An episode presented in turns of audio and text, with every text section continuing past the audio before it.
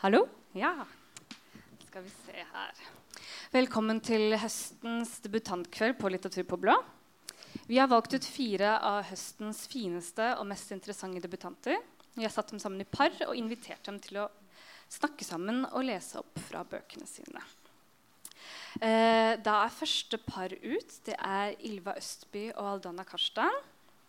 Og da kan jeg si at Ylva Østby debuterer med novellesamlingen som heter 'Passasjerhistorier'. Hun er ellers nevropsykolog og forsker. Og hun skrev sagprosaboken 'Å dykke etter sjøhester' sammen med Hilde Østby i 2016. Uh, så hun har skrevet en bok før, men det er første hennes uh, skjønnlitterære debut. Og så øvelser for viderekommende Aldana Karstan, som har skrevet boken som heter 'Huskeøvelser for viderekomne'. Uh, Aldona er født i Łódź og kom til Norge da hun var 17 år gammel. Hun er utdannet litteraturviter og bor i Oslo og arbeider som oversetter og tolk. Så da er uh, scenen deres, og vi gleder oss. Vær så god. Tusen, tusen takk. Tusen takk. Ja. Eh, det var kanskje ikke helt tilfeldig at eh, jeg og Aldona ble satt sammen i et par. Eh, for tittelen på Aldonas bok er jo 'Huskeøvelser for viderekomne'. Og da jeg skrev sakprosaboken om hukommelse, så var jo et av de spørsmålene jeg fikk aller oftest, var jo eh, hvordan kan vi få bedre hukommelse? Eh, og det handlet mye om huskeøvelser. Men det er ikke det det skal handle om i romanen din, Aldona. Nei, det er for viderekomne, de Ja. øvelsene jeg har. Øvelsene mine, eh, Huskeøvelsene mine er for viderekomne. Altså. Så det er ikke det mest første primære man tenker på når man tenker på å huske, øve på hukommelsen. Eh, for, eh, for denne boka handler om eh, en kvinne som eh, lever i nåtid. Som går gjennom byen sin så skal jeg prøve å uttale det riktig. Uh, Wood. Ja, det Var det veldig bra. nesten riktig? Ja, det var nesten riktig. Ja. Mm. Mm. Jeg og Aldona har øvd på polsken min. ja, vi har hatt en runde. Um, og i denne polske byen så har det foregått uh, en del historiske hendelser. Eh, både uh, før og under andre verdenskrig og den, under den kalde krigen. Eh, vil du si litt grann om eh, handlingen i boka di? Ja, det er slik at eh, Boken handler om Alina, en jente som vokser opp på 80-tallet. Og hun vokser opp i en by som eh, hadde en av Europas største gettoer under krigen. Og selve byen var en del av, den, eh, tysk, av det tyske riket. slik at Den ble ikke bombet, den ble ikke ødelagt.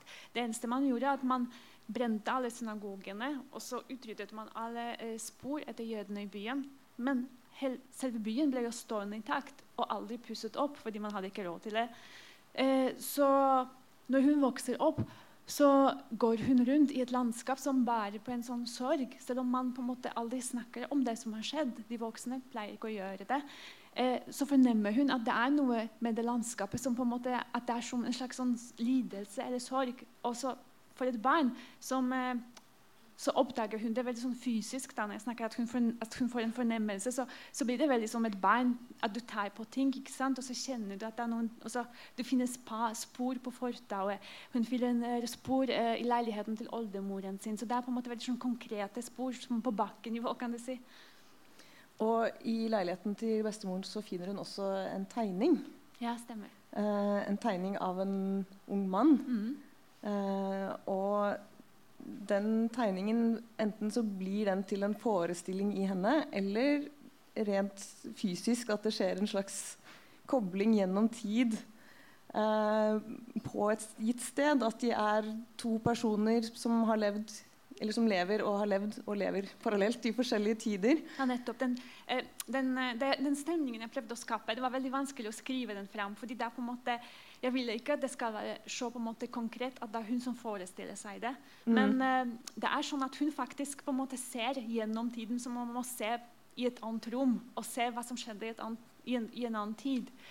Og samtidig så blir denne personen, han Brunon, som, uh, som lever i gettoen, han føler seg også betraktet av et blikk. At det er noen som, som følger etter ham. Så det er en slags gjensidig kobling mellom disse to. Ja, nettopp. Eh, og det syns jeg var veldig interessant og veldig gripende, på en måte. Um, og eh, og det føles jo på en måte Det kan høres ut som at det er et litt sånn fikst eh, grep. At eh, to mennesker kommuniserer med hverandre på tvers av tid på den måten.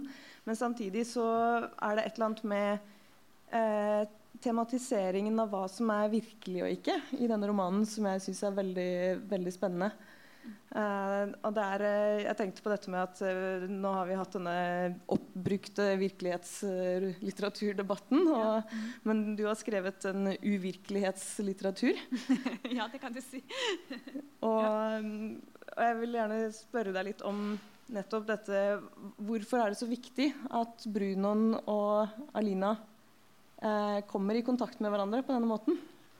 det var litt fordi at da jeg selv vokste opp i Uj, eh, så ble jeg veldig overrasket når jeg begynte å forstå at, at, all, at alt det jødiske ble så, så sporløst det ble borte. da. At det var ikke en eneste tavle, ikke et minnesmerke. Og så tenkte jeg på hva skjer med de få som har overlevd, og som kanskje kommer tilbake på besøk. da, La oss si at de har flyttet til andre land. da.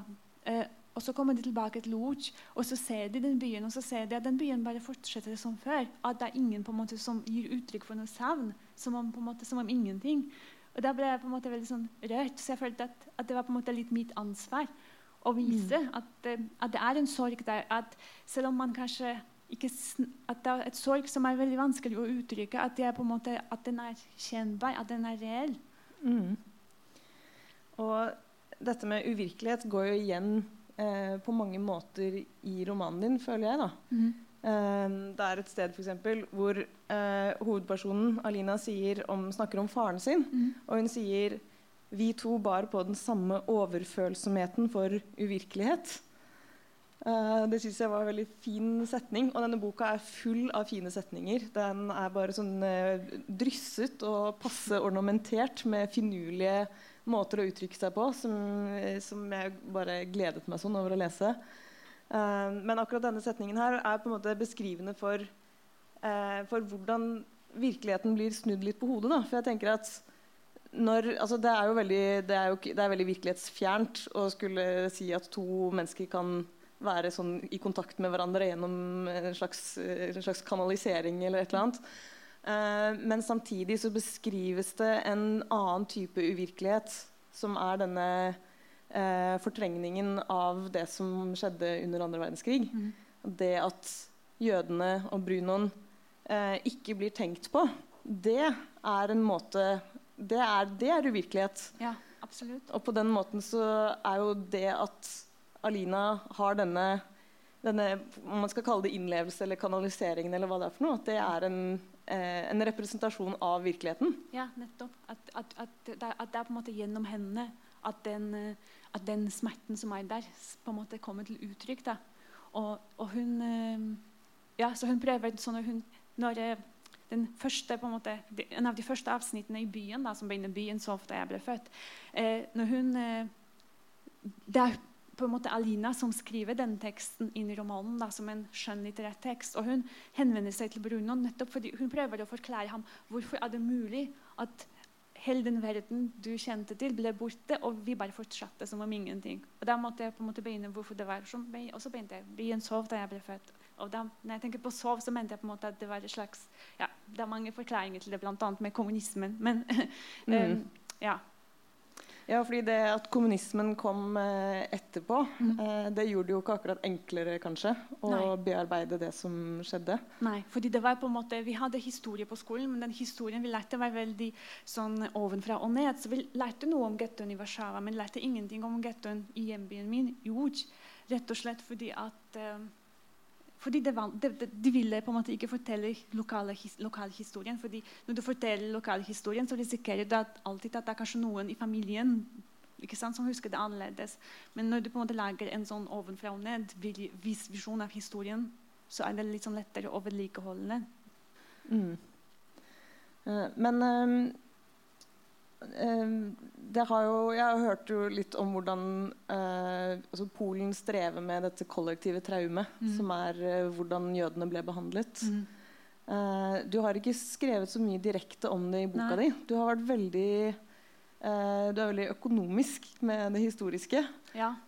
Eh, vil du si litt om hva du har valgt, og hvordan du har valgt å presentere det? Ja, I utgangspunktet når jeg eh, skulle skrive denne, denne romanen, så, eh, så, var planen min at jeg egentlig ikke skulle si noe om, om holocaust om, som krigsårene. At ingen av bøkens kapitler skulle handle om selve krigen, men at den skulle slutte like før krigen, eller kanskje sånn på begynnelsen av høsten 39. når det begynner. Og tenkte at Jeg skulle på en måte ha det som en slags usagt ting, fordi alle vet jo hva som skjedde. Men når jeg eh, etter hvert begynte å jobbe med eh, min redaktør på Askehaug, så mente hun at eh, det vil være kanskje vanskelig for en norsk leser. Selv om man vet jo hva som skjedde under krigen, men det er kanskje på en måte at man måtte ha noen sånne konkrete ting. Så jeg, så jeg prøvde å, å gjøre det.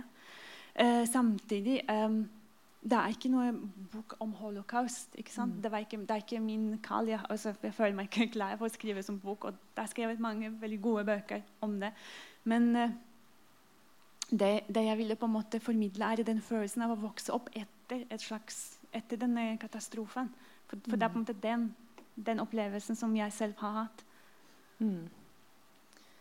Eh, jeg får litt følelsen av at, uh, at Polen har uh, fått mye erfaring med å eh, tilpasse seg sin historie. Eller tilpasse historien etter hva som, hva som er den gjeldende Ja, det er litt sånn. Men eh, samtidig så, så, er det litt sånn at Hva skal jeg si mm, Jeg tror at uh, altså, de, som over, de, som er igjen etter sånne ting altså, Jeg en, altså, jeg forteller en sånn gammel vits i den boka. En, en, en person som sier at eh, de eh, snille blir drept, de smarte stakk av. Og på en måte vi er liksom resten. ikke sant? Liksom Vi var etterkommere av resten.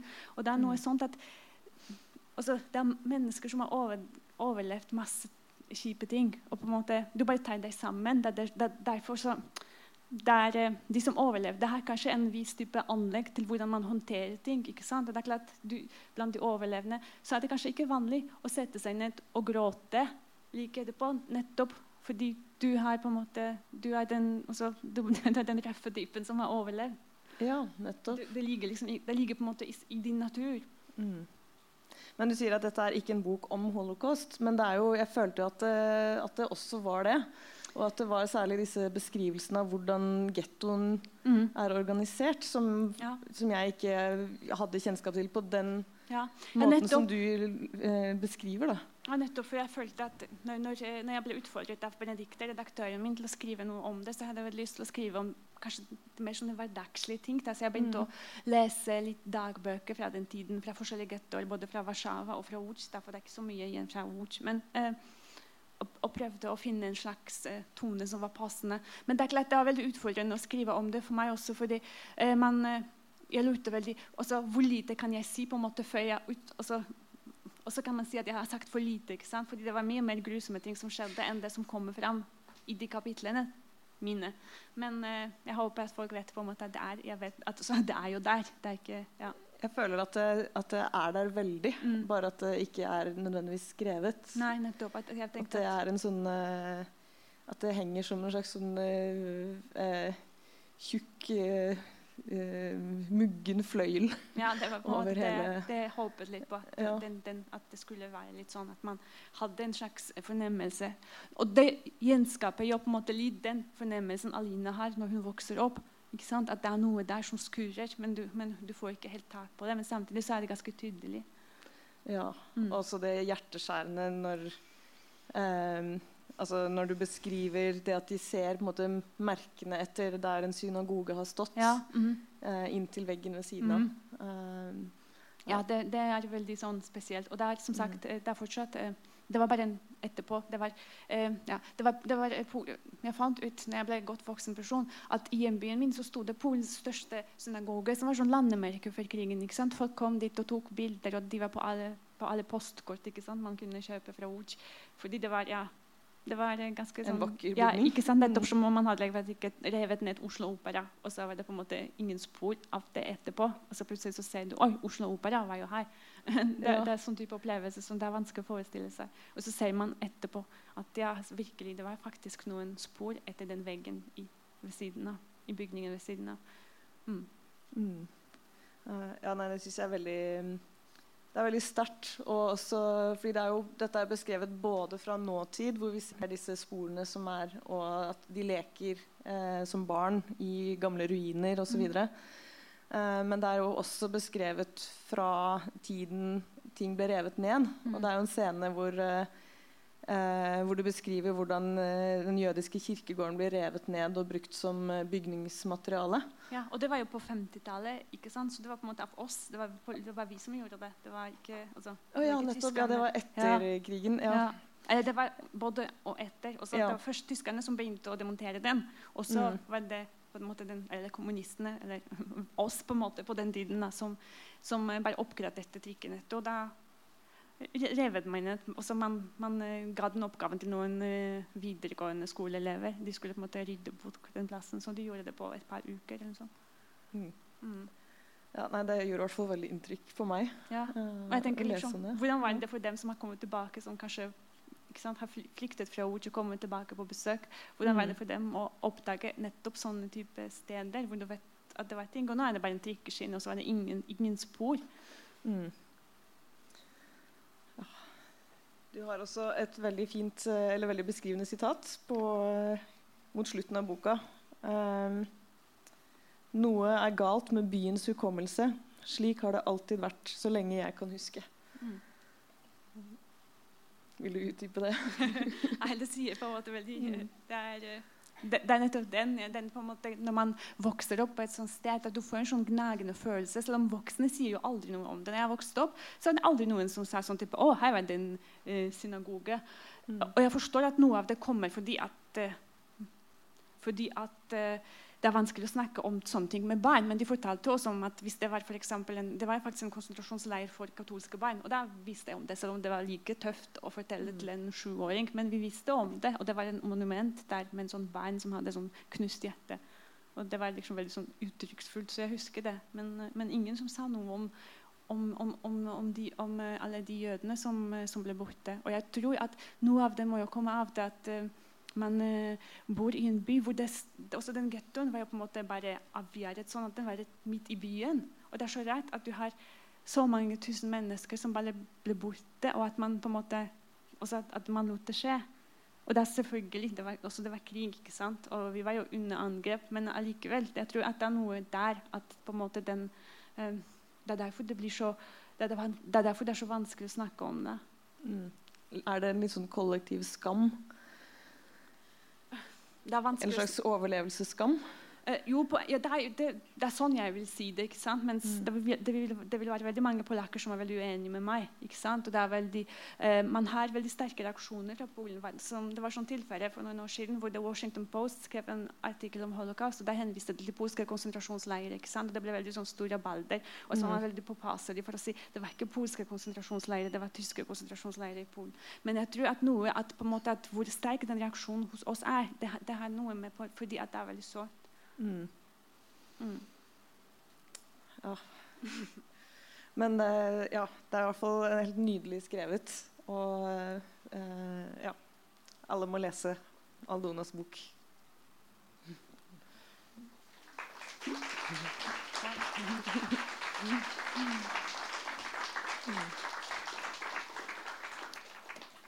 Nå har vi plutselig kommet på sånne veldig dype, eh, mørke temaer. Og det slik sett er eh, bøkene våre forskjellige. Men samtidig, når du eh, eh, tok frem det første sitatet, så på en måte jeg forsto hvorfor du valgte akkurat det sitatet om eh, virkelighet. Eh, det er fordi eh, vi er på en måte litt beslektet, føler jeg. At vi har litt sånn forskjellighet for noen samme tanker, noen samme bilder, noen samme situasjoner. Så det var, jeg ble veldig, jeg synes, jeg ble veldig det var veldig fint å oppdage en sånn fellesskap når jeg, når jeg leste eh, fortellingene dine.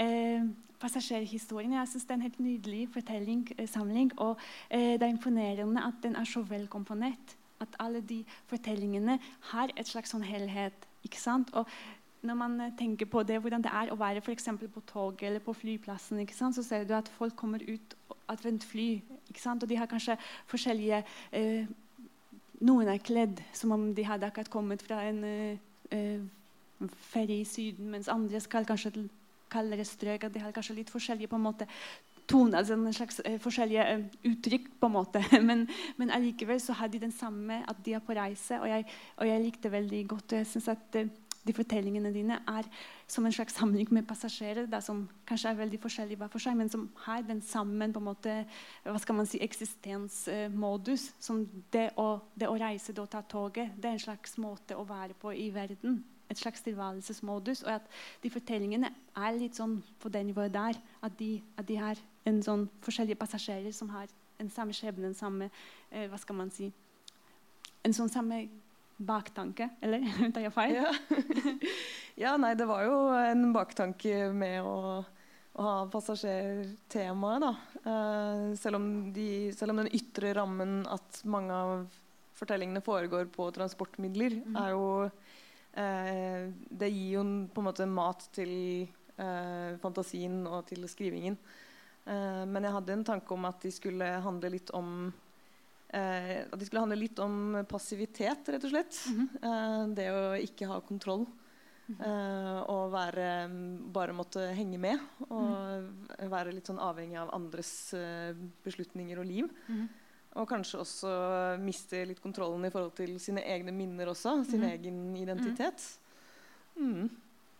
Uh, det jeg syns imponerte meg veldig, at hvordan eh, sånn ting at Det virket som om i hver eneste av disse fortellingene måte, Det som får dem til at de mister kontrollen, er at de får en slags fornemmelse at det er noe som skurrer i verden. At det er noe sånn, Og så var du så flink til å holde det at det på en måte kommer til overflaten hos disse hovedpersonene. Så når man blir kjent med dem, så er man tiden litt sånn usikker på de, altså Vipper de over til at det blir noe veldig sånn galt, nesten? ikke sant? Sånn psykologisk, veldig sånn nevrotisk? Eller er det slik at det er bare sånn litt på den sikkerhet, liksom, litt sånn kanskje overfølsomme, litt sånn overnevrotiske siden, men at det ikke vipper over i en slags galskap? eller at eller gjør ja, det Ja, nettopp. ja, nettopp. Eller, fordi det Er sånn at, er det sånn virkelig at de bare tror ikke sant, at verden er kunstig, eller er det slik at verden er kunstig? Ikke sant? Mm. Men du, de, den spenningen som du, som du klarer å, å, vedlikeholde så lenge i, i, disse fortellingene, det synes jeg var veldig imponerende. Det er sånn, eh, som å være litt sånn hypokondrisk. ikke sant? Akkurat den samme tilstanden hvor du er på grensen, og så begynner du å lese om ok, jeg har jeg mister håret, jeg sover dårlig, og jeg har eh, diaré. Og så leser du på, googler du på nett, og så får du masse symptomer. ikke sant? Som kunne vært, og akkurat den følelsen at det er sånn, Og så legger du det der litt fra deg, ikke sant? og så kommer det på nytt. Og det er, det er akkurat den sånn gnagende tingen som bare Jeg syns det var så fint. Takk. ja, nei, jeg, hadde, jeg, prøvde jo å lage, skape litt uhygge, da. Mm og, og, gjøre fortellingene litt uh, creepy. Uh, særlig den historien du nevnte, eller um, refererte til nå, den uh, om ting er virkelig eller ikke, som heter 'Kastanjene'. Den handler om et par som, hvor den ene skal til å gjøre det slutt. Og den andre nærmest avleder situasjonen med å fortelle at hun tror at ting i naturen er i ferd med å bli byttet ut med kunstige kopier. Mm. Og så handler det om den forhandlingen mellom dem. Om, eh, om eh, jeg-personen også skal tro på det eller ikke. Eh, og hva som egentlig er eh, ja, hva som er ekte og ikke og i forholdet deres, eh, ikke minst. da. Mm. Eh, så ja. Det ble et tema som, kunne, som, kan tolkes både veldig psykologisk som at det er snakk om en psykose, rett og slett. Mm. Um, eller man kan tolke det mer over, overført, kanskje. Ja, og det var det, at Du var så flink til å holde den spenningen. At man på en måte ikke var helt enig med seg selv. Og da blir leseren også i en slags sånn grensetilstand. ikke sant? Men hva er det for noe? Og da mm. blir det litt sånn, et slags ekstra nivå over det. Så det var veldig flott gjort. Um, en annen ting som, jeg, uh, som berørte meg veldig, var noen av disse fortellingene, eller spesielt den første, 'Hiro', og den som handler om en av disse ekofortellingene nå husker jeg ikke om hvilket nummer det var, men den som handlet om en jente som fortalte om at eh, moren hennes var død. Og når, etter at moren hennes døde, så kom faren hennes på en måte om natta og la seg tett ved siden av henne liksom, og tok henne og, eh, på brystet. og så, ja, Hun fortalte det som en hemmelighet til en venninne. Og det var på en måte, det som, på en måte, når jeg leste den første fortellingen, som også dreide seg om en jente som hadde en kjæreste i Japan, og som eh, mistet denne kjæresten, og som etterpå plutselig på en måte hadde slags opplevelser at andre folk inntok plassen hans. Og hun gikk med på det. at hun på en måte, ja, Etter at han døde. da. Eh, mm, du er sikkert flinkere til å fortelle.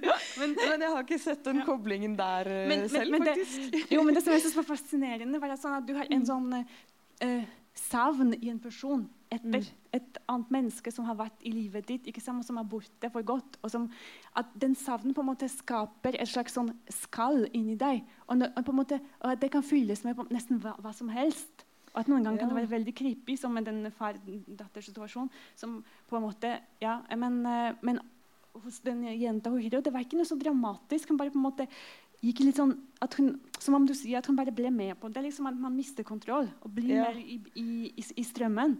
Mm. Og, og, det var noe sånn ekte ved den ensomheten. og på en måte, og ved den, eller At du har så mye sorg i deg at du på en måte er på, altså mottakelig mot sånne type opplevelser. Sånn, sånn, man tenker på at noen folk liksom gjør, gjør, slutt med en kjæreste, og så finner de seg noen som ser akkurat prikk lik ut. Ja, kan liksom for hun tror faktisk at han ja, er uh, eksen. Ja, nei, det, nei, men det er kanskje, nei, men det er kanskje, mm. kanskje det er sånn lett å tulle med det. Kanskje det er sånn at man virkelig leter etter noe som er der. Og så har man mm. tatt feil den første gangen. ikke sant? Kanskje hun jenta egentlig skulle hatt den andre japaneren i den fortellingen Hiro, og at den første var bare et slags feilgrep fordi de lignet. Eller jeg vet ikke. Men uansett, det er mange, liksom. men... Men, uh, kanskje bare si handlingsforløpet ja, litt, sånn at tilhørerne skjønner hva vi snakker om. Men det handler altså om en uh, kvinne som uh, reiser til Japan på forskningsopphold. og så Der blir hun kjent med en som heter Hiro.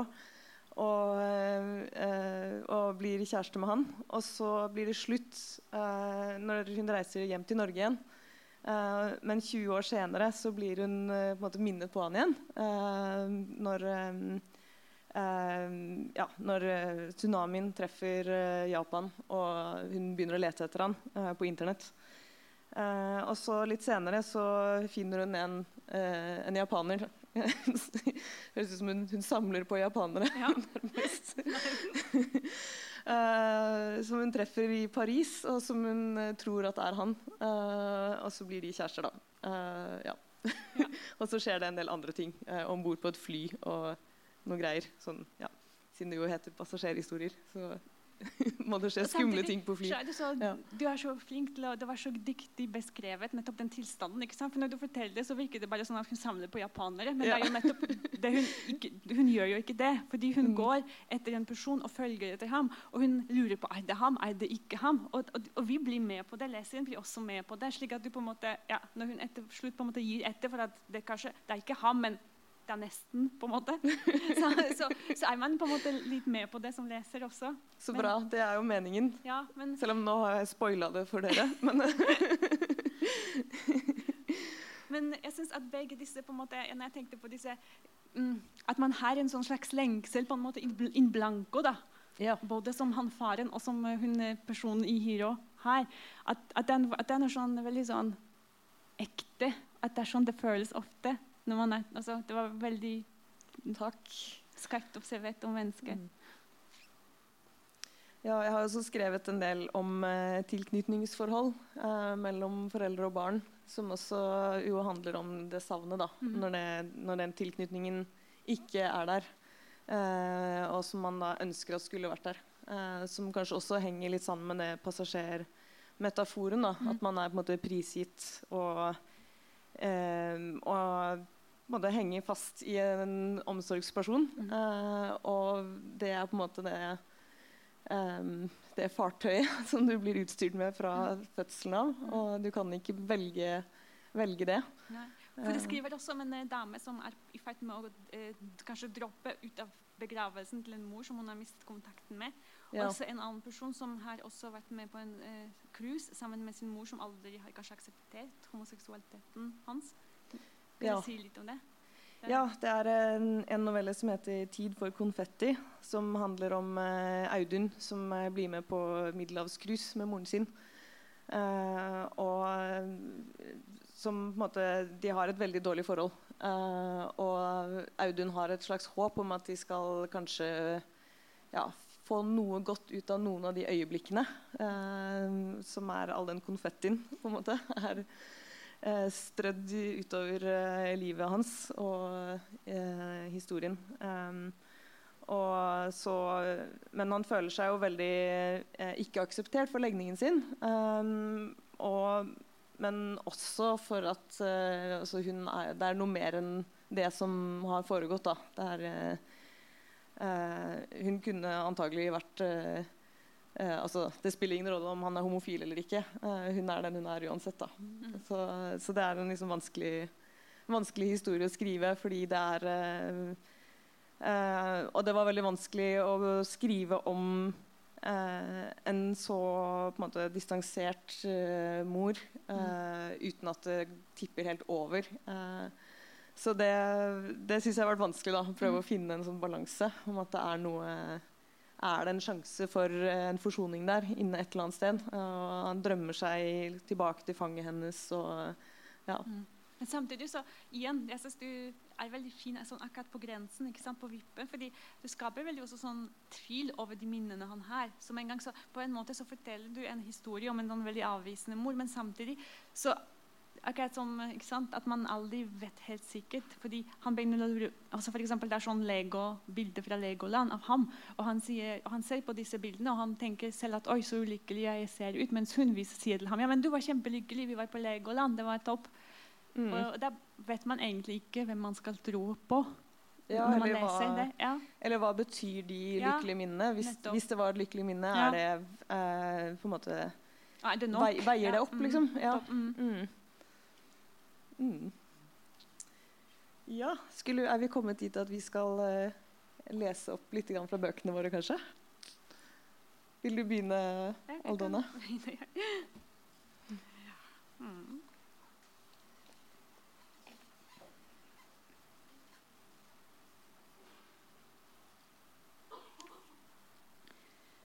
På steder som Much opptrer tiden på sitt mest ubarmhjertige. I årtier kan den holde seg i bakgrunnen. Hjulene roterer stille. Ikke den minste knirking kan høres. Men så bestemmer tiden seg for å ta i, og den velter med hele sitt seige vesen og innover byen. Da skjer forfallet veldig raskt. En dag våkner vi og ser at malingen har skallet av veggene i oppgangen at ansiktene til dem vi er glad i, har falmet, og at alt vi tar i munnen, smaker vann. Men der tiden er ubøyelig, bøyer rommet av. Det er slik de henger sammen, de to dimensjonene. Der tiden er kompromissløs, skrumper rommet og blir svakt. Da blir det lett for mennesker å undergrave det bare ved å være til. Hus, vegger, Trapper, dører, hekker. All det avvæpnede skrappet vi setter opp. Våre latterlige forsøk på å skape orden i kaoset tærer på. For ikke å nevne slike ydmykelser som tepper, malerier, blomstrede gardiner. Mishandlet mister rommet sitt opprinnelige spenst. Det tretner, synker sammen og blir sløvt.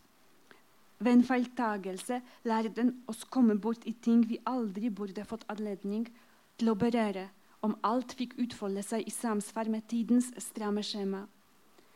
Rester, avfall og spor etter noe som for lengst er oppløst og forgått, oppbevares fortsatt i rommets tykke folder, bare for å bli spyttet ut igjen. Gjenstander som tilsynelatende var tapt, dukker opp igjen fotografier, skruer og rustne fjær fra parkerte urverk, parykker med rester av pudder, tinasjetter i porselen, inntørkede sigarettsneiper med spor etter leppestift. Seinere, da jeg ble voksen, innså jeg hva som hadde skjedd. Det at jeg fant denne tegningen, det lille portrettet skisset av en ukjent hana, hun også for lengst borte, var et glipp et feiltrinn begått av det kraftløse, uverne, løsmunnete rommet som hjembyen min var laget av.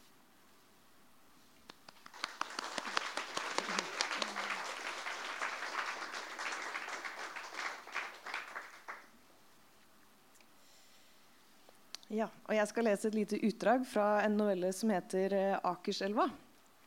Eh, som eh, bl.a. foregår her på Blå. Eh, det er nesten fullt på blå.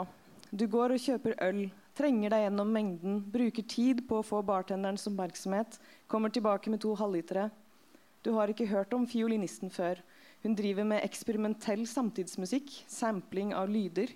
Du syns det høres interessant ut, spør hvor jeg har anbefalingen fra, er imponert.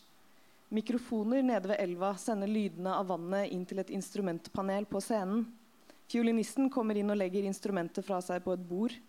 Hun starter konserten med å kanalisere lydene fra elva utenfor. Surkling og klukking. Du legger armen bak ryggen min, vender oppmerksomheten mot scenen. Lydene blir høye, forvrengte. Snart er det ikke lenger lyden av elva. Det eneste som minner om den, er vissheten din om at de kommer derfra.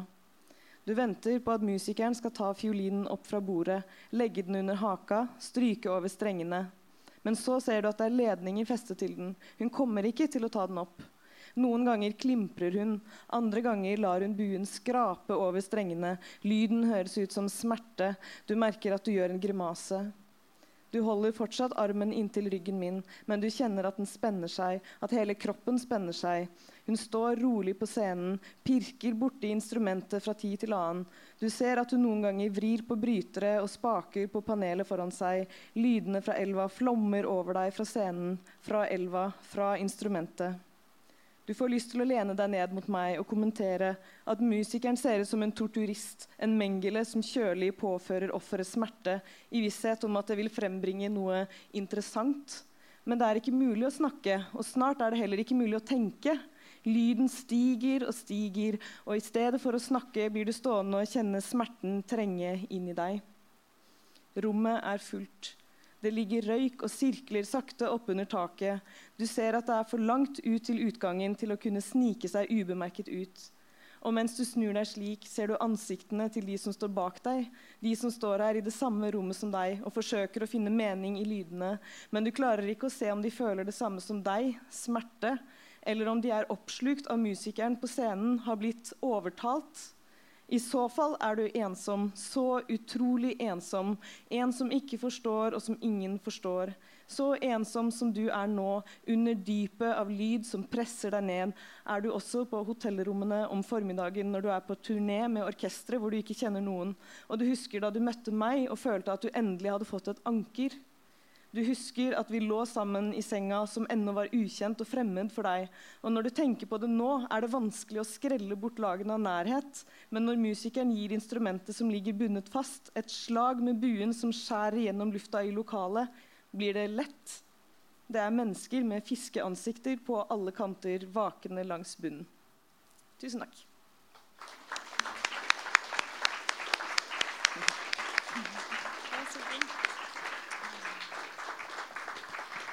Tusen hjertelig takk til Ylva og Donna. Nå blir det en liten pause til å strekke bena og kjøpe seg øl. Og så er scenen klar for Julie og Karoline. Da tenker jeg vi begynner igjen så smått. Eh, da er det klar for eh, andre avdeling, holdt jeg på å si, med, med barnebordet. eh, Da har vi med oss uh, Karline Uglestad Elnes, som debuterer med romanen 'Jona'. Uh, Karline bor i Oslo. Hun har gått på forfatterstudiet Bø og Skrivekunstakademiet i Hordaland. Hun har også en bachelor i kunsthistorie fra Universitetet i Oslo. Og da, ja, det er da hennes første roman, som allerede er nevnt. Og vi har også med oss Julie Stokkendal, som debuterer med romanen 'Dagene'. Og Julie er oppvokst i Sandvika, bosatt i København. Hun er tidligere student ved Skrivekunstakademiet i Hordaland. God fornøyelse. Takk.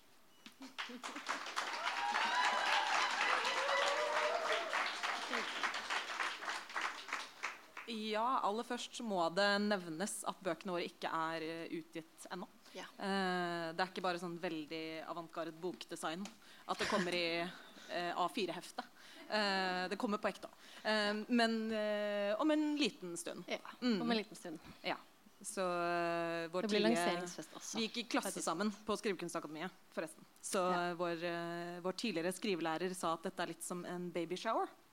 Mm. Ja, det var Signe som sitter der borte, som sa som Ja, sa ok. det. Signe sa at Ja. det var en babyshower. Unnskyld. Bare kreditere riktig person for bra, bra ord. Ja, det er en liten pre... pre Mm. et. Prelansering på et eller annet Ja. vis.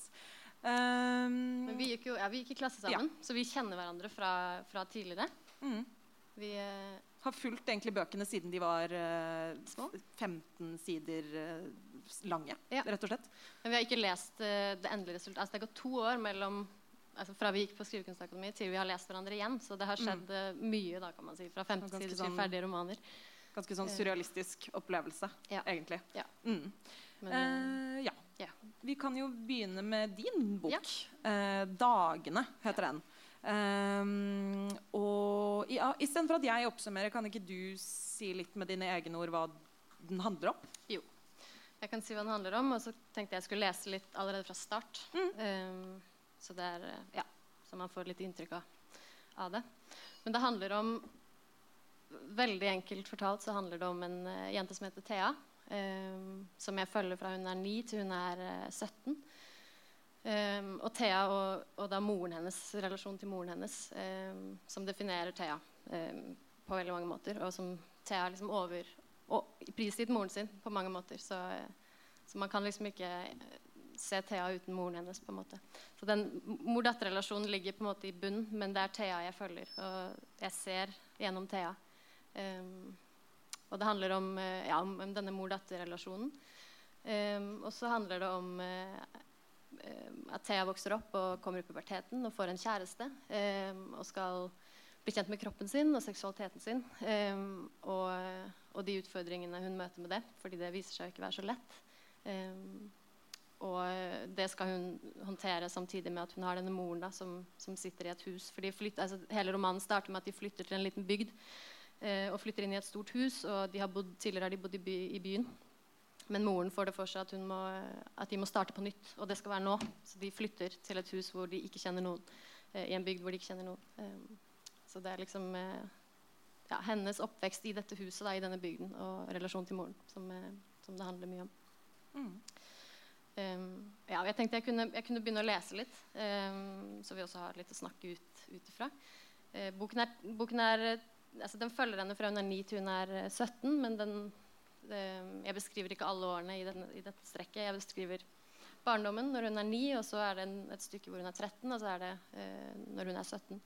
Jeg tenkte jeg skulle lese fra um, barndommen, hvor, hun, hvor det ikke er så lenge siden de har flyttet til, til dette huset. da skal bare drikke litt for å bli litt tørr i munnen. man sitter her oppe.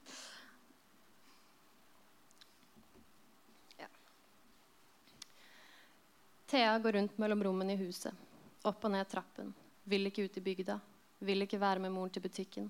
Vil ikke lenger ut enn til på trappen, hvor hun kan sitte og se på veien, fjellene.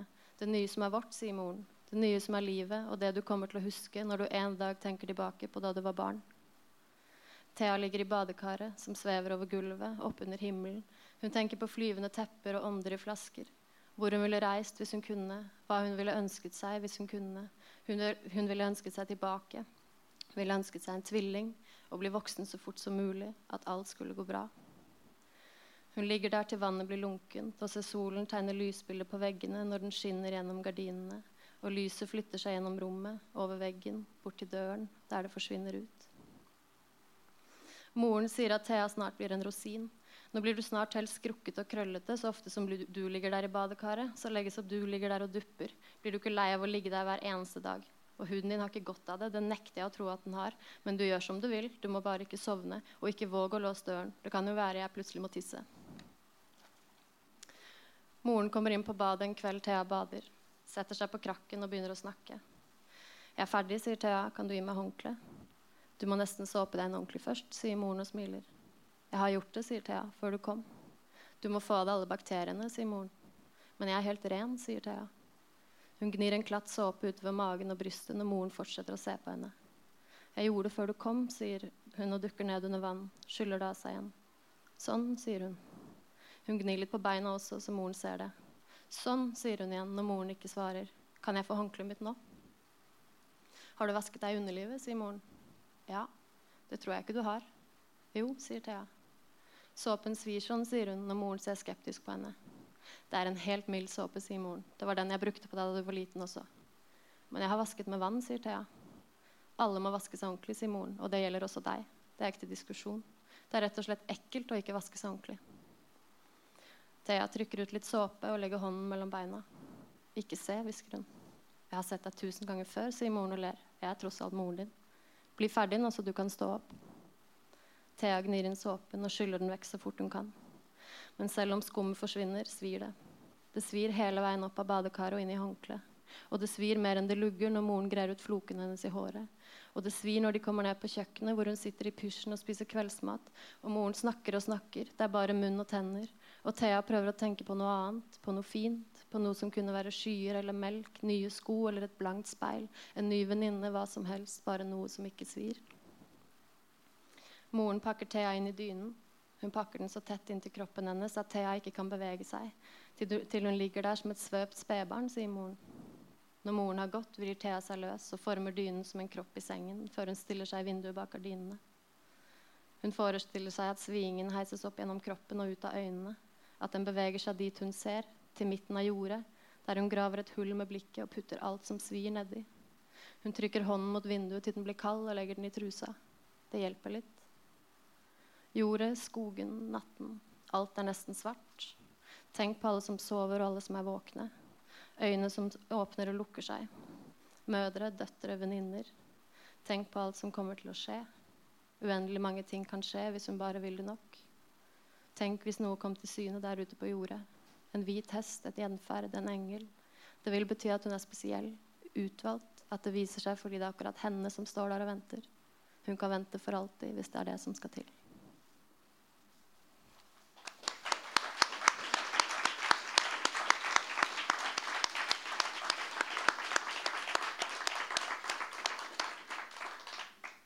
det er jo egentlig et veldig fint utdrag å lese nettopp fordi at det er innom ganske mange av tematikkene som inngår i boka. Mm. Um, men jeg tenkte aller først, i og med at det jo er um, det mest sentrale og det som driver hele handlingen, uh, at vi kunne snakke litt om dette mor-datter-forholdet. Mm. Um, for da jeg leste det, så, så, så tenkte jeg at det er jo et det er jo et forhold som er veldig preget av kjærlighet. Det er jo en mor som eh, tar med datteren sin til et nytt sted for å begynne på nytt fordi hun vil at datteren skal ha det bra. Mm. Hun snakker jo om det hele tiden. Sånn, dette er dagene du kommer til å huske når du blir eldre. Du kommer til å huske hvor fint vi hadde det sammen, og hvor hyggelig det var å vokse opp i dette huset. Um, som jo også er en litt sånn ubrukelig ting å si til et lite barn. fordi de kunne jo ikke brydd seg mindre om måte, hvordan fremtiden kommer til å bli uh, når de ikke har det så bra akkurat nå. Um, men så er det jo også ganske mye i det forholdet som er uh, klaustrofobisk. Um, og kan du ikke si litt om det som på en måte kjennetegner dette forholdet? Hvordan er det liksom ubehag mellom dem? Har du på en måte noen sånn konkrete eksempler, eller hvordan leser du det? Um, altså det er et veldig komplekst forhold, fordi det både er mange veldig fine ting. Det er et veldig nært og tett forhold, men det er også et forhold preget av at at de har ikke noe valg. De er, nødt, de er overgitt til hverandre. Og moren er opptatt av liksom at, at eh, ja, livet ditt eh, har Du har jo forandret deg. Eller det har skjedd mye i ditt liv på ni år, mens mitt har stått helt stille. For mm. At, hun, at er, moren har liksom mistet noe ved at Thea kom. Da. Og det handler mye om at faren til Thea forsvant da moren ble gravid. Så det ble ikke som hun hadde forestilt seg. moren. Um, men altså det er preget mye av, av, makt. Spesielt når Thea er barn, så, så er moren, har moren makten, på en måte, fordi Thea er prisgitt henne. Um, og, og, moren kan være, altså, mangler fornemmelse for grenser, f.eks. Som jeg tenkte at det her stykket også viser litt. altså Kroppslig. At hun, hun, mener det godt, men det er et overgrep på et eller annet plan. Da. Um, og det er sånne subtile overgrep som kanskje preger eh, relasjonen, men som også altså, Thea er ikke bare søt og snill, hun heller. Hun har også sine måter å straffe moren på. Det, og det kommer etter hvert som hun blir eldre og, og på en måte blir mer seg selv. Um, mm. Og så tenkte jeg på det jeg gikk, kom til blå, liksom, at, eh, at, det handler jo så mye om, om en løsrivelsesprosess. og at man har, har liksom, Vi har jo alle bodd inni et annet menneske. Det er jo helt sykt at man har vært et annet altså, Det er jo helt vanvittig. Liksom. Og så blir man født, og så skal man bli sitt eget menneske. Da. Det er jo en vanvittig løsrivelsesprosess som krever ganske stort arbeid fra begge parter.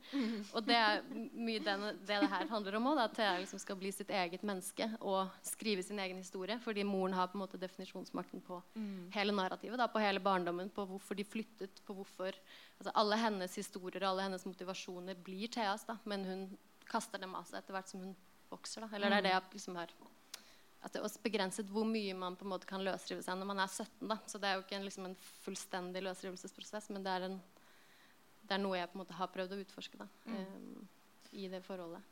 Men det er litt interessant også at du henter opp eh, det, med, det, med, fødsel. At det er en ganske vill ting. fordi eh, i boka så er det også en ganske vill jeg må jo kunne kalle det en fødselsscene. Eh, i et eh, badekar. Eh, som på en måte er Det er som om Thea og moren veldig sånn instinktivt og brått, og kanskje ikke egentlig uten å reflektere så mye over det, bestemmer seg for at nå eh, skal vi iscenesette på en måte en ny fødsel. Ja. Som er veldig absurd og morsomt, men også utrolig vakkert. Egentlig veldig, veldig vakkert. Ja, altså Det er vel moren som på en måte trumfer den og på en ja. måte ber Thea om å få lov å føde den på nytt. Det er ikke Theas på en måte ønske.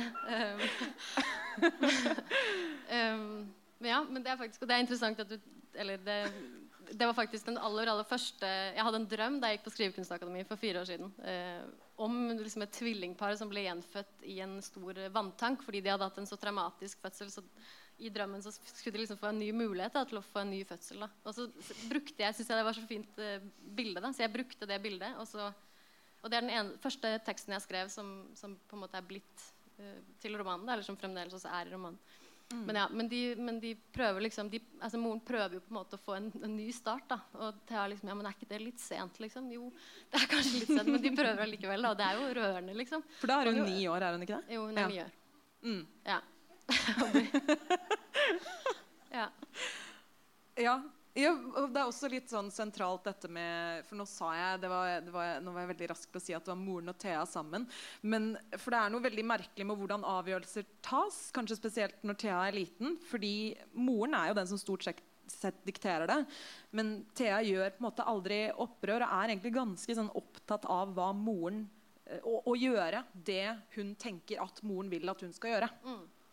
Ja. Så hun gjør det jo på en måte også litt for egen maskin fordi hun er litt sånn redd for uh, kanskje konsekvensen av at hun ikke gjør det moren vil ja, at hun skal gjøre? Ja, jeg tenker At hun ser seg selv gjennom mor, altså, Hvordan vil mamma at jeg skal se ut nå? Sånn prøver hun mm. å være det. Eller hun prøver liksom å navigere etter hva hun tror moren mm. uh, vil da, eller ønsker. Og det er jo helt umulig, fordi moren er fullstendig uforutsigbar. Mm. Så det går liksom Det avhenger helt av morens humør og, og mm. på en måte situasjoner. Og været. Og det været, står det også. At været påvirker på en måte hvordan hun skal forholde seg. Moren er bare glad når det er sol. I forhold til mor. ja. Mm. Så hun er måte Hun prøver hele tiden å liksom, Hun er sånn barn i alarmberedskap liksom, hvor hun prøver å hele tiden tolke tegn og prøver å navigere etter moren, men, men det er umulig. da Det blir en veldig det blir veldig stressende. Da. Og jeg synes Det gjøres på et veldig sånn spennende vis utover i boka. når for I begynnelsen så blir vi introdusert for en slags sånn situasjon hvor Thea gjør det hun tenker at moren vil at hun skal gjøre. og Det er ganske sånn, altså det er jo en ustabil barndom, men det er en ganske sånn stabil rekke handlinger. Mm. Og så er det en scene hvor eh, Mai, eh, morens bestevenninne, eh, kommer på besøk. Eh, og da skjer det et eller annet eh, med den måten å tenke på da kan ikke lenger Thea handle i det samme mønsteret. Nei, for moren er en annen når det er en annen på besøk. Ja. Så det er nye regler som gjelder. på en måte. Ja. Så, og, og, det blir utrolig. Hun prøver å gjøre det moren vanligvis gjør, men da blir hun irettesatt av moren som sier at nei, men så jålete er vi ikke. Mm. Liksom. Så det, mm. ja, man prøver å på en måte hele tiden avkode hvordan, hvilken situasjon står jeg i nå. Og det, det som gjaldt før, det gjelder ikke nå. Jeg må mm. agere på en ny måte. Det er veldig sånn, et slags sånn grenseløst symbiotisk forhold hvor de ja. hele tiden forandrer seg litt i forhold til hverandre og går tilbake til noe blir noe nytt. Ja. på en måte. Ja. Um, og jeg, jeg syns det er spesielt et, uh, et avsnitt som er ganske sånn Som oppsummerer veldig fint nettopp dette med hvordan Thea tenker og handler. Uh, som går sånn her. Um, hvis noen sa at Thea måtte velge mellom å miste begge beina eller å miste moren, hva ville hun valgt? Eller enda vanskeligere hvis noen sa at hun skulle velge mellom at moren skulle miste begge beina eller miste Thea, hva ville moren ha ønsket at Thea valgte? og det er en sånn, gjennom, en tenkning som gjennomsyrer boka. For det, handler ikke, det er jo egentlig ikke bare et barn som forsøker å navigere seg i forhold til, eh, i forhold til hvilke konsekvenser eh, som kanskje oppstår. Hun forsøker å navigere seg i forhold til et slags sånn bilde av den moren vil at hun skal være. Mm. Hun Ja. forsøker på en måte å være litt et annet menneske, samtidig som moren også jo elsker henne som hun er. på en måte. Ja. Og moren, moren snakker jo også litt om dette med at noen ganger kunne hun på en måte ønske at Thea løsrev seg helt, og andre ganger virker det som om hun blir kjempesint hvis Thea gjør noe egenrådig. At det er, hun har jo ikke et sånt stabilt forhold til Thea, hun heller. Nei. Moren er i det hele tatt en ganske ustabil størrelse. Mm. Eh, vil jeg si. Ja. ja. Um, og så, jeg vet ikke, jeg tenkte kanskje vi kan snakke litt om, om Markus, Theas ja. kjæreste. Ja. For når han kommer inn i bildet, så skjer det noe med dynamikken mellom mor og datter. Ja, Det er i hvert fall det første mennesket som uh, i romanen altså Moren har en venninne som kommer litt inn, men, men hun, hun stiller seg ikke foran Thea eh, mellom moren og Thea, men det gjør Markus, da, kjæresten til Thea. Eh, som hun får når hun, han flytter til bygda for å begynne på videregående. Og så møter hun ham eh, der.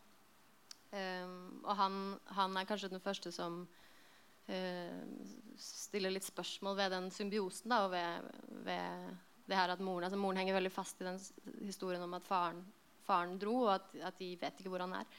Um, og liksom nekter å elske et nytt menneske. Da, for hva hvis han kommer en dag? Liksom, hva hvis jeg står på trappa med en ny mann, og så kommer han forbi? Liksom, hva gjør jeg da?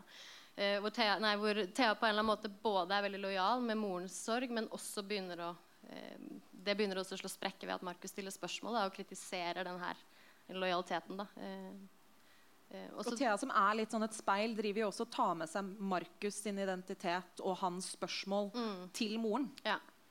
Så til Markus forsvarer hun moren, og til moren så bruker hun Markus' spørsmål Mm. eh, som skyts. på en måte.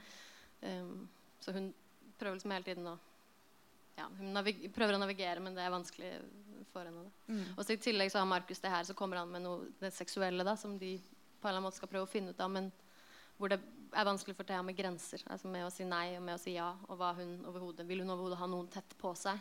Både liksom følelsesmessig, men spesielt fysisk. da, at hun altså, Det er ubehagelig for henne. Um, Så det på en måte Den barndommen med moren kaster liksom lys over i ungdomstiden hennes. da, um. Og spesielt liksom i intime relasjoner. Mm. Um, det har jeg liksom prøvd å prøvd å liksom At de to delene på en måte kaster lys på hverandre og kl klinger da, sammen. Og at de kan speile hverandre um, Mm.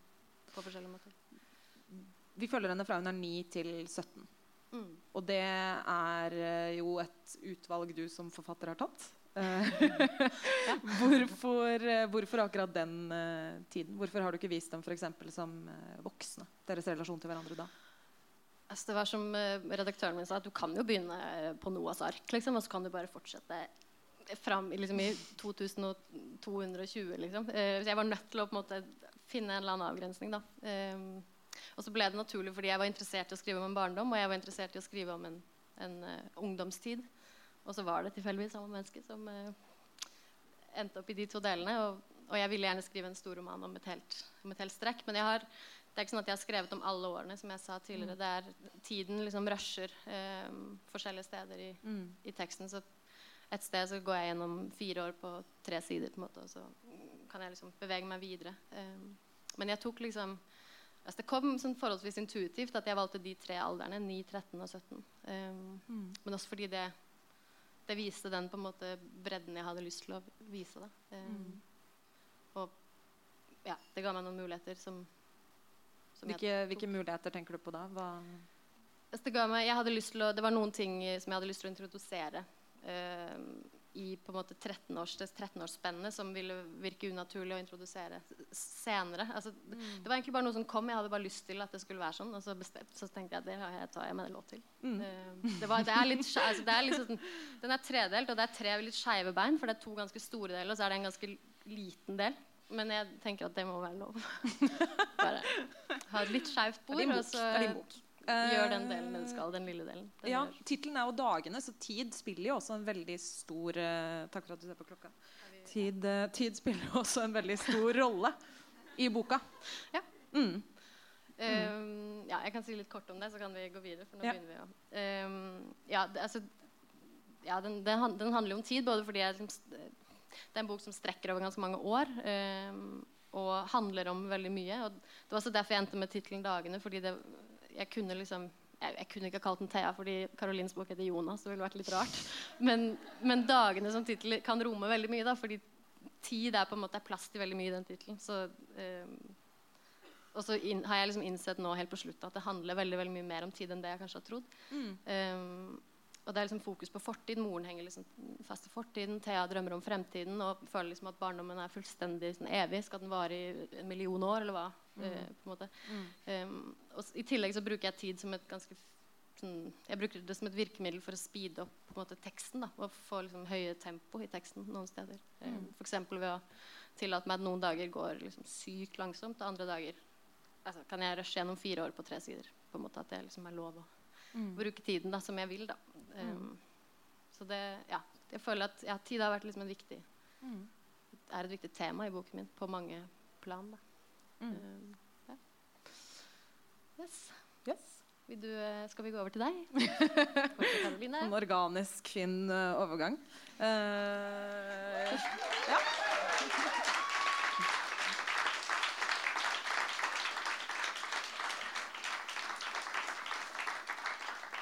Ja. Vi kjører litt samme oppskrift, eller? Ja. Ja. Um, altså, hva handler boka di om? Tenker jeg kanskje begynner helt uh, Hva har du skrevet om? Det jeg har skrevet om, er altså, Romanen er jo også Tittelen er navnet på hovedpersonen min, eh, Jona. Eh, som er eh, et sørkoreansk navn. Eh, hun er eh, adoptert fra Sør-Korea, og hun er resepsjonist på et hotell i Oslo. Eh, og hun er på en måte en litt sånn merkelig karakter som nesten absorberer litt menneskene rundt seg. Det er som om hun, som hun på en måte tar til seg mye inntrykk, og så blir det på en måte en del av henne, og hun fantaserer videre på det. Um, og på sett og vis så er vel på en måte dette um, For hun ble adoptert da hun var to år. Uh, så de to årene som på en måte er svarte, da, uh, de er nesten på en måte det punktet hele, henne, hele hennes identitet spinner ut fra. Um, så hun, er på, hun jobber på dette hotellet, uh, er ikke en spesielt god ansatt. I hvert fall ikke i mine øyne. Ganske spesiell. Ganske spesiell ansatt. Uh, følger eh, ordre, men på sitt eget vis. Um, og møter på gjester på hotellet som på en måte kommer inn fra hver sin kant og passerer gjennom, som man jo gjør på et hotell, og så forsvinner ut av livet hennes igjen. Noen blir litt, noen blir ikke. Mm. Noe sånt. Mm. Bra pitch. Du leser litt. Bra pitch. Ja. Jeg vet ikke, Hva kaller man det? Elevator speech? Uh, ja. Mm. Jeg skal lese helt fra begynnelsen av boka. Ikke helt på begynnelsen, men eh, nesten. En gang fant Jona et langt, grått hårstrå på jakka. Og siden da har hun forestilt seg at uniformen må ha blitt kjøpt inn til en tidligere ansatt. En kvinne som både er eldre og mindre enn henne selv. Jona lurer på hvem denne kvinnen kan ha vært, hvilken øyenfarge hun hadde, om hun var norsk, om hun hadde en kronisk sykdom, kom fra en flerspråklig familie eller spilte tuba som barn, om hun var ulykkelig, om hun spiste frokost eller var en av dem som hoppet over dagens første måltid til fordel for en større lunsj.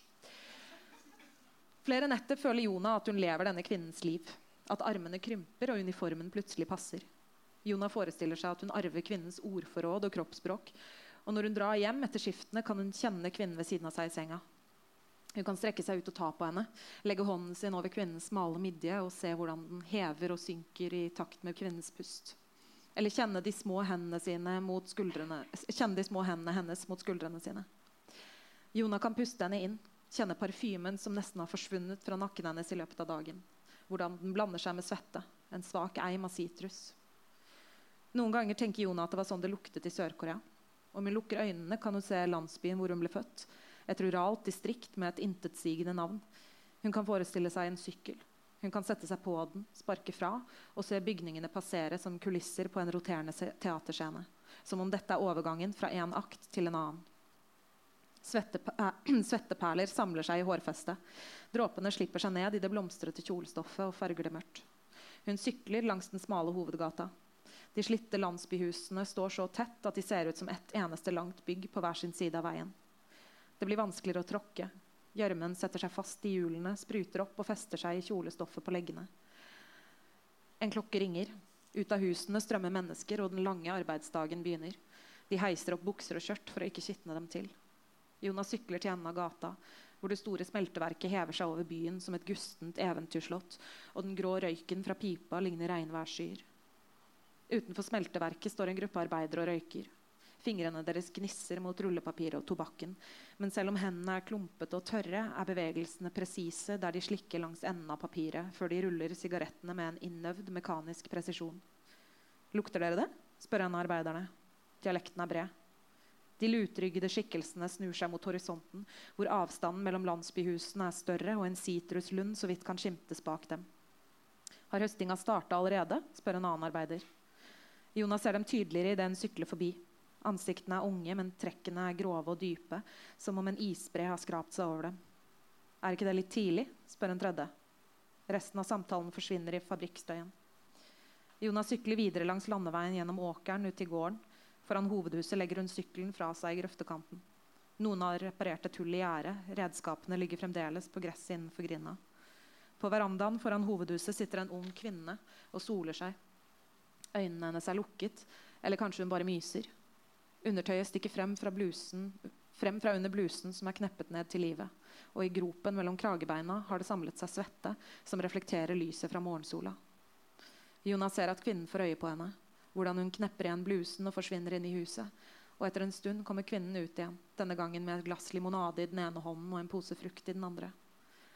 Jonah kan så vidt høre hvordan kvinnen synger for seg selv idet hun krysser plenen. Hun rekker Jonah glasset og frukten og samler det lange, mørke håret i håndflaten og legger det over den ene skulderen. Gnir hendene mot kjolen som er fulle av grønske. I bevegelsen blottlegger hun et sår på den ene albuen. Nei, det er et fødselsmerke med en ubestemmelig form.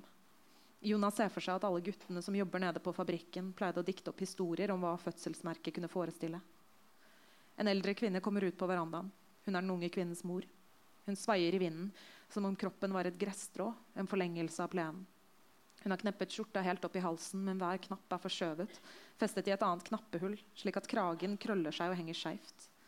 Det tynne håret hennes er som hvite silketråder i sollyset. Kanskje tenker hun på ektemannen, bonden, og kanskje er han død.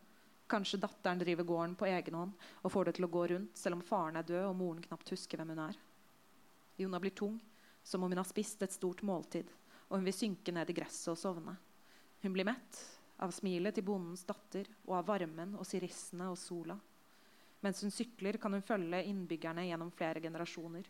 Som om sykkelturen er en spillefilm og omgivelsene er ulike snutter fra en slektshistorie. I alle scenene hun klarer å forestille seg, er det soloppgang. Det er bare ved soloppgang hun kan besøke byen. Som om den alltid er nyfødt og aldri vokser opp. Det blir aldri dag, det blir aldri kveld. Og hun er klar over at ingenting av dette er sant. At hun ikke tilbrakte sine første år ved en sitruslund, men at hun vokst, snarere vokste opp, i den grad de to første årene av et liv kan utgjøre en oppvekst, i et falleferdig barnehjem noen kilometer utenfor bygrensen til Seoul. Under morgenturen tar Jonah hunden med seg til parken like ved hotellet. På veien passerer de fire høygravide kvinner på en benk. Kvinnene puster tungt og stryker forsiktig over de store magene sine. Det må være vanskelig å bære på barn i denne varmen. To av kvinnene ser helt identiske ut, med det samme jordbærblonde håret og de samme store øynene, den samme spisse nesa, det bekymrede uttrykket selv når de ler. Jonas stanser etter å ha gått forbi dem. Hunden river i båndet. I profil ser, de som, ser nesene deres nesten ut som nebb. Jonas ser for seg at de kler seg nakne og avdekker praktfulle, lyse fjær på de melkehvite kroppene sine. At de letter og lar magene ligge igjen. At Jonah må beskytte de morløse fostrene mot måker og rever. Legge dem i en kurv, knyte dem fast i kurven med navlestrengene, så de ikke skal trille ut og skade seg. Hun skal kalle dem vannballongbarna. Ta dem med tilbake til hotellet og legge dem i en av sengene. Ved siden av kurven skal hun sette en nattbordslampe som hun lar stå på hele døgnet. Og en dag legger hun merke til at den ene magen har sprukket, og at barnet flyr i sirkler oppunder taket. Hun sitter med dem til den fjerde og siste magen har sprukket. og Først da åpner hun vinduet og lar dem fly tilbake til mødrene sine.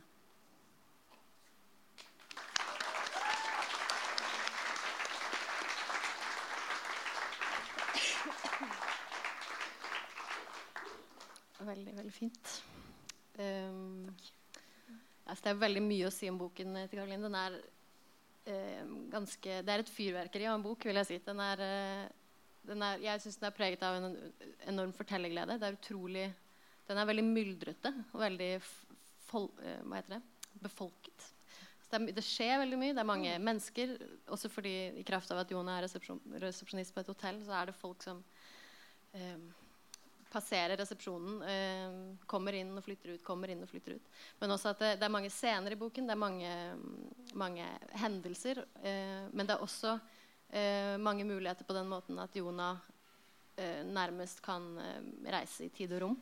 For så ser man at hun Det, det er ikke bare en liten en måte, det er ikke bare noen setninger liksom, i en forestilling. Det, det, hun, hun, hun, flytter inn eh, mm. i en annen tid. så det er på en måte det, noe av det jeg tenkte jeg liksom ville eh, spørre om, det er på en måte kontrasten mellom at dette er en veldig eh, full roman på mange måter, full av alt mulig, men samtidig så handler det om en veldig ensom karakter. Fordi alt er, det er en stor distanse til alt. da. Mm. Hun, klar, hun kan, I kraft av at hun på en måte kan reise overalt eh, på kryss og tvers av tid og rom og sted, eh, mm. så har hun heller ingen mm. Eh, så er hun også ensom, da, fordi det ikke er mm. noe anker i, mm. i tilværelsen hennes. Mm. Eh, annet enn resepsjonen, da, kanskje, som man tror i hvert fall er et anker til å starte med. Ja. Eh. ja. og akkurat det med resepsjonen er jo på en måte nesten ikke et anker, det heller. viser Det seg sånn. For hun, altså, det å ha et yrke er jo ofte tett bundet sammen med identiteten din. Mm. Men uh, Jonas' identitet er på en måte at hun er denne resepsjonisten, men så er, hun, så er det på ingen måte en del av identiteten hennes samtidig, på et eller annet sånn merkelig vis. Um, og det er jo litt klassisk at uh, Eller jeg vet ikke hun, um, hun, er jo kanskje ensom også nettopp fordi det skjer så mye. Eller fordi hun holder seg så opptatt med ting fordi, hun, uh, fordi mennesker reiser inn og ut av livet hennes. Da, og hun mm. klarer ikke å feste seg ved noe. Mm. Um, hun mangler på en måte en sånn stabil kjerne ja. å forholde seg til som menneske. Mm. Uh, og jeg tror også at jeg tror også at hun eh, Ja, jeg tror hun er ensom, men jeg tror også at hun på en måte har en enorm nysgjerrighet. Og at det også er en stor glede i livet hennes. på en måte. Den, den, eh, det å tenke seg vekk er jo både en, måte, en sånn forsvarsmekanisme, men det er jo også en genuin undring der i hvem f.eks. For foreldrene hennes er. da. Ja. Hun er også i tillegg til den, nysgjer den, nysgjerrigheten tenker jeg, så er hun også utrolig uredd. Eh, og på en måte i ganske altså, mm. bry, Er ikke så opptatt av sosiale koder, da, f.eks. Mm. enten så er hun uredd, eller så har hun ikke selvrefleksjon. Ja. det er på en måte enten eller. Ja, selvinnsikt er kanskje ikke det hennes største Jeg tror ikke hun har så veldig mye selvinnsikt. Det tror jeg ikke. Hun har, det er f.eks. en scene hvor hun, eh, hun, eh, hun, hun eh, slår opp en, en, en at det kommer en gjest på hotellet hver torsdag som heter Torsdagskvinnen. Mm. Som Jonah fester seg litt med. Og så slår hun opp liksom, adressen til denne kvinnen i, i, på Gule sider. Da, eller hvor det er. Mm. Og ringer på og sier sånn Hei, det er Jonah. Jeg, jeg er kommet for å ligge med deg. Uh, mm. den, det er som ingen, mm. rolle, ingen rolleforståelse. Da. Uh, Nei, hun spiller på en måte ikke etter vanlige regler for sosial, sosial oppførsel. På en måte. Det, det gjør hun ikke. Det gjør henne vel også ganske ens Det er der jeg tenker også ensomheten kommer inn. Da, at hun på en måte, hun prøver liksom å binde seg til folk, men, mm. men det er kanskje liksom, den hun binder seg mest i, er kanskje han som kaller seg for Tor Heyerdahl, som kommer inn på hotellet en gang mm. imellom. Eller han kaller seg ikke for Tor Heyerdahl, hun kaller ham for Tor Heyerdahl. Ja, okay. Hun døper ham det. Ja. Uh, og så nekter å på en måte høre på at han heter noe annet. Uh, ja, det sier også mye om henne. det er ganske sånn toneangivende for henne som, uh, som karakter. Mm. Ja tenkte også på, altså, sa jeg litt om det i stad, men, men, resepsjonen og hotellet da, som et motiv på en måte, mm. det, det, er jo et veldig fruktbart motiv på mm. mange måter og sier også mye om Jona i forhold til den her søken hun har da, etter kanskje de her årene som hun ikke har noen eh, altså Mine første to år er også et, et, sort hull, på en måte, men jeg har tross alt noen som kan fortelle mm. meg om dem. da, Mens Thea, mm. nei, Thea, altså, jeg, Jona har ikke det. Um, og ja, og det er jo litt sånn Det er jo på en måte hun, eh, hun søker jo etter noe i kraft av at hun vet at eh, hun mangler noe, på en måte. Mm.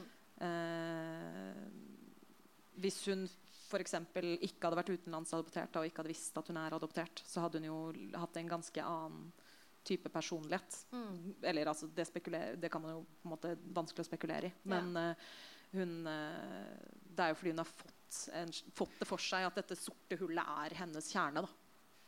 Kanskje, på sett og vis. Det er vel også altså, Når man har den her kjernen som ikke finnes, da, i hvert fall for Jonah, da, så altså, Det speiles også veldig fint i, i, eh, i romanen som blir mer og mer um, Den starter et ganske kon konkret sted, nettopp som Mm. hotellet, da, uh, i resepsjonen på hotellet, men ender i på en måte noe man ikke aner. Uh, nå skal jeg ikke avsløre hele romanen.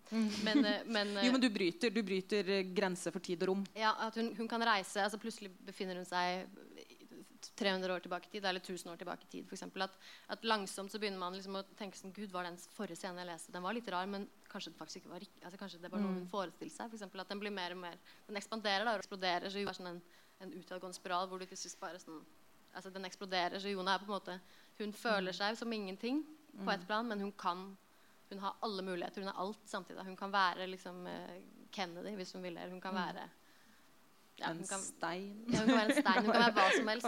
Eh, Mm. At det liksom er de to polene da, som på en måte Mm.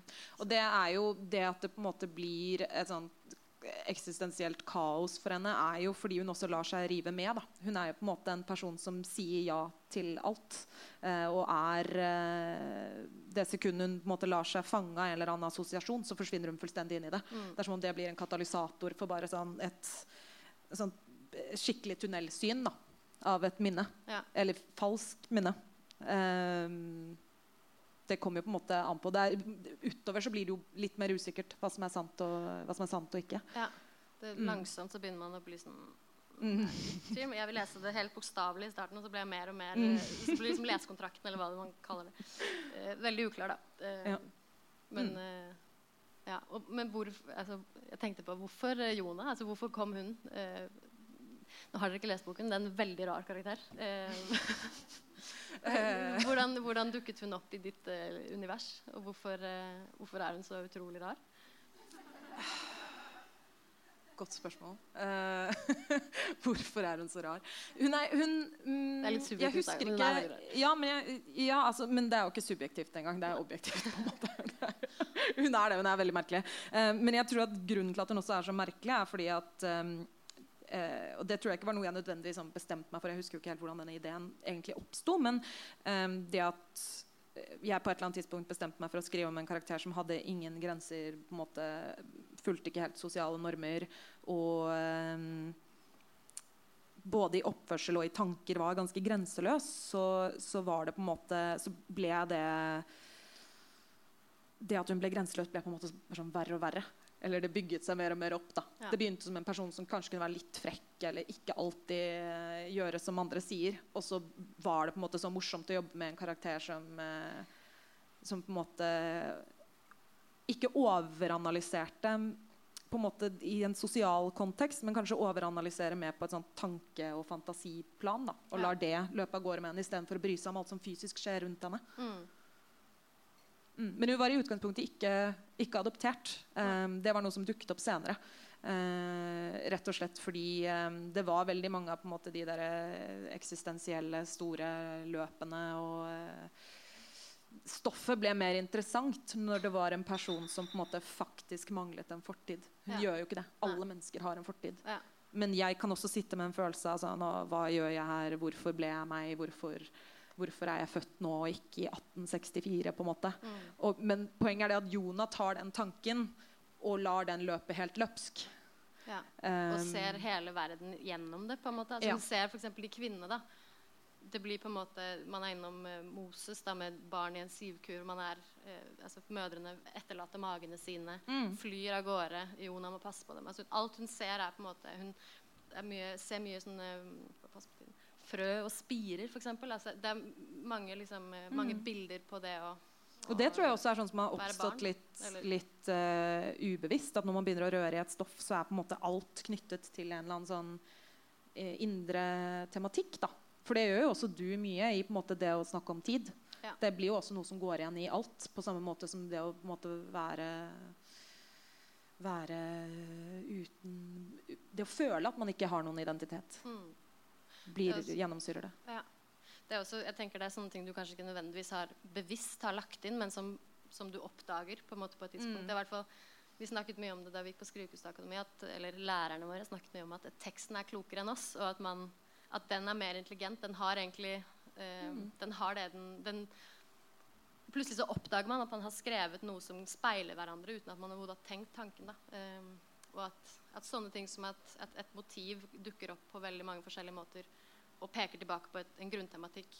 At man plutselig legger merke til det uten at det er noe man har tenkt på. da, mens man skrev det. er veldig interessant. Og så tror jeg at jeg har det med mine, med Mm. min, eh, min roman. At det er mye som, Mm. mye som plutselig viser seg, som jeg ikke faktisk har vært helt bevisst om. da, Men som har vært Mm. mer en in intuisjon. Ja, nettopp at man har jobbet på en måte mer uh, intuitivt enn uh, en, på en måte Enn sånn, tenkt, en tenkt. Ja. At man på en måte ikke Samtidig Ja. som du selvfølgelig skal tenking til. Når man skriver en bok, så er det noe med Man må å tenke, um, men, man, mm. men det er jo så overraskende mye som sitter i Mm. altså som, ikke, altså som man vet og på en måte merker, men ikke nødvendigvis har formulert. Det var så Mm. Før vi skulle hit, så snakket vi litt om at det med overhodet å sette ord på det, at det vi har skrevet, er veldig rart når man ikke har egentlig har på en måte verken formulert det høyt, men heller ikke hatt så veldig Vi har ikke, vi har ikke satt oss ned og skrevet et plott, på en måte. Mm. Det har kommet veldig organisk. da. Um, og på en måte intuitivt for, for oss begge to, tror jeg. Eller i hvert fall Mm. vi har liksom stolt på det som Mm. har kommet. der. og jeg tenker på i forhold til det å ikke være helt sånn bevisst på, um, på teksten mens man skriver den på et sånt kanskje intellektuelt plan. Da. Um, det har jo også gjort at jeg har begynt å innse på en måte, hvor mye av stoffet kanskje også kommer litt fra. I forhold til, Jeg nevnte for deg eh, litt tidligere i dag at jeg jo leste 'Orlando' av Virginia Woolf mens jeg Mm. skrev denne boka. Og det er sånn, egentlig en helt åpenbar kobling i og med at Orlando reiser gjennom tiden og kan bli en uh, mann og kan bli en kvinne. Mm. Um, men at det bare er noe som har ligget i bakhodet. Og det er også litt fint at ting ikke, ikke trenger å være tenkt, men at det kan være en sånn intuitiv skriving. Da. Liksom, Mm. Så fint. Mm. Skal vi si det var, Skal vi, eh, var skal vi runde av? Ja, takk.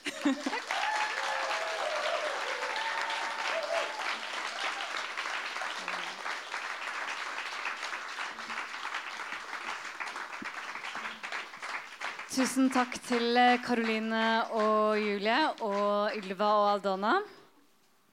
Det var veldig fint å ha dere fantastiske debutanter hos oss. Neste uke så blir det eh, boklansering av boka til eh, Siren Leirvåg og Drude von der Fær, som heter 'Teater som betyr noe'. Så kom gjerne da. Og gi debutanten enda en applaus.